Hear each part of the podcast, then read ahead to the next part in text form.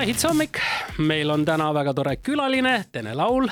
tere hommikust. tere hommikust. ja sa oled siin, no mitte sellepärast, et sa oled lihtsalt tore inimene, vaid et sul on Kanal kahes startimas uus saade Elamise kunst. mis saade see selline on ja mis sa seal tegema hakkad?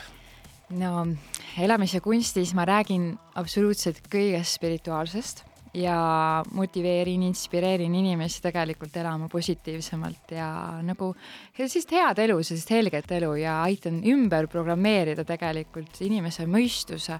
annan nagu hästi palju vihjeid selle kohta, mida sa ise saad nagu kodus ära teha, et olla õnnelikum, positiivsem ja üldse nagu mõista seda, mis siin maailmas üldse nagu toimub, et, et räägin ka näiteks armastusest, suhetest, unenägudest, tähtkujudest ja täiesti ka aktuaalsetest teemadest, mis on siis kaks tuhat kakskümmend kaks ja mis see toob ja üldse selle aastaga on no,, kõik see, mis on selle aasta ümber ja ma ütlen niimoodi, et universum on täielikult mulle nagu kingituse andnud ja inimestele ka, kes mind jälgivad ja, ja ka uutele nagu äh, inimestele, kes, kes ei ole veel minu nagu nende teemadega üldse kursis. sest et praegusel aastal on ekstra vaja seda motivatsiooni, inspiratsiooni, seda ülestõstmist ja ma näen seda, et see on nagu tohutu kingitus tegelikult tulnud universumilt, et selline saade saab üldse nagu eetrisse minna. kuidas sinul tuli see spirituaalsus ellu, kas sa olid äh, lapsest peale juba, juba selline ja need, need, need teemad tundusid sulle põnevad või, või toimus see kunagi hiljem? tead, no kogu aeg selline olnud ja see spirituaalsus ja elu, nagu elu tõlgendamine, elu tõlkimine on alati minu huvi olnud ja alguses ju tegelikult lapsepõlves ma ei saanud üldse arugi, et, et, et teised mõtlevad teistmoodi mm -hmm. või näevad üldse teistmoodi ka, sest et mul käivad ju visioonid ja ma näen nägemus ja see on see selgeltnägemise osa, eks ole. ja ma ütlesin, et kõik näevad ja siis, kui ma hakkasin nendel teemadel nagu vestlema, et näe, ma arvan seda ja kas sa ei näe tema kohta seda, siis kõik vaatasid mind niimoodi, et mis asja, mida sa räägid nagu? Ja vaata, siis sealt tuli mingisugune selgusmoment, et kuule, et see pole võib-olla ka nagu nii laialt levinud, kuigi mina võtan seda siiamaani nii enesestmõistetavalt ja tihtipeale unustan ära, et ma, vaata, ma no kuulen inimeste mõtteid, tundeid ja siis ma tahan nendele nagu vastata ja siis unustan vastamata, sest et ma arvan, et ka teised kuulevad minu mõtteid ja siis ongi nagu, nagu unustad, aa, okei okay,, ma pole vastanud neile, et need asjad tulid päris, päris kiiresti näiteks. kuidas äh, lapsepõlves lähedased ja ma ei tea, õpetajad, lasteaiakasvatajad, kõik selle eest suhtusid, kas ei tekkinud sellist momenti, et ütlesid, kuule, tüdruk, sina lähed küll nüüd homme spetsialisti juurde, et see ei ole nüüd niimoodi spetsialisti juurde. tead, ähm, rohkem, vaata äh, lapsena ma olin rohkem nagu selline introvertsem, et mm -hmm. ma mhm. ei väljendanud väga nagu valjusti välja kõike seda. no sul oli enda seeski nii palju tegemist. jaa, nii huvitav on elu, elu on lihtsalt nii huvitav, nagu enda mõistuses on juba elu nii huvitav, eks ole. et, äh, et selles suhtes minu pere ja kõik on nagu hästi toetav olnud, et nemad on hästi sellised nagu vaba.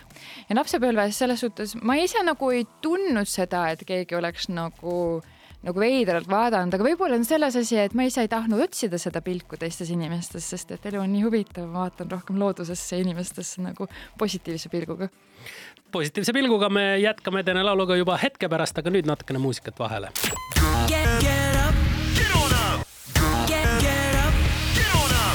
Hits hommik, meil on täna hommikul külas tore külaline, Tene Laul, tere sulle veel kord.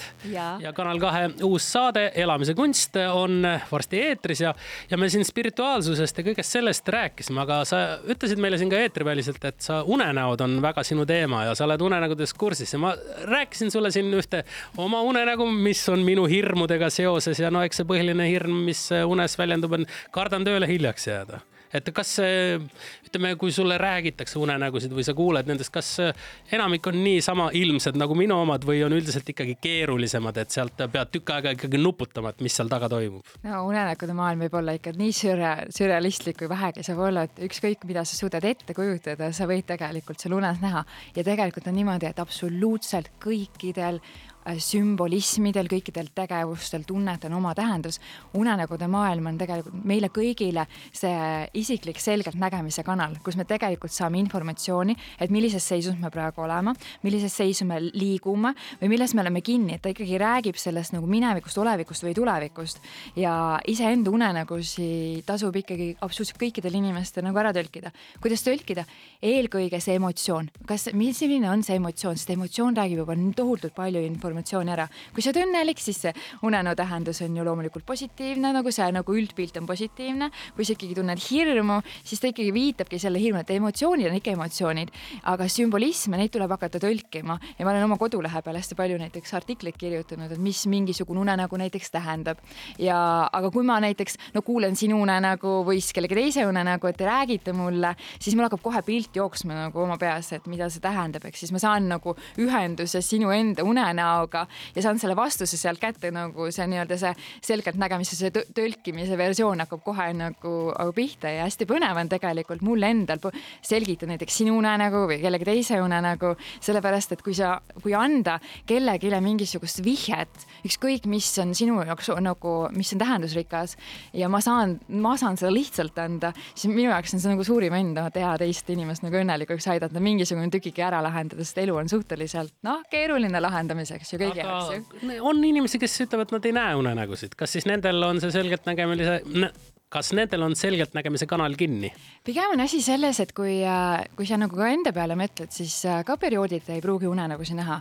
ja see on seepärast, et kui sa keskendud hästi palju nagu ka töö tegemise või sellise maise, maisete teemade peale, mitte ainult nagu raha na,, nagu raha peale, sest maisus ei ole ainult raha, vaid maisus on et mida ma pean homme ära tegema. kui sul on hästi palju kohustusi, mingid projektid, sinna pead jooksma, sinna pead jooksma, sa hästi palju nagu suunad enda energia nagu füüsilistele tegevustele, aktiivsusele, siis automaatselt sest ülemised tšakrad lähevad kinni, mis tähendab seda, et sa ei näe neid unenägusid ja kui sa võtad kohe vabamalt ja sul on rohkem aega mõelda, seedida, analüüsida ja siis lähed magama ja siis öösel vähe näha tohutult suurt inf, nagu sellist infotulva.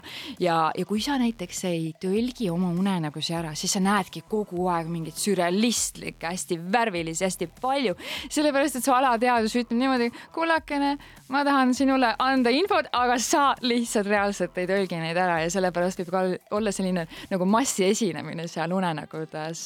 meil oli täna hommikul külas Tene Laul, põnevat juttu oleks veel muidugi väga pikaks ajaks, aga saate vaadata ise Kanal kahest uuest saatest Elamise kunst, seda kõike järgi. Tene, suur aitäh, et tulid meile külla ja, ja edu sulle edaspidiseks. aitäh ja ma soovin teile kõike, kõike head, palju armastust teile.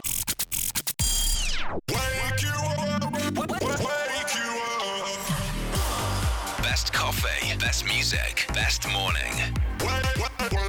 You. This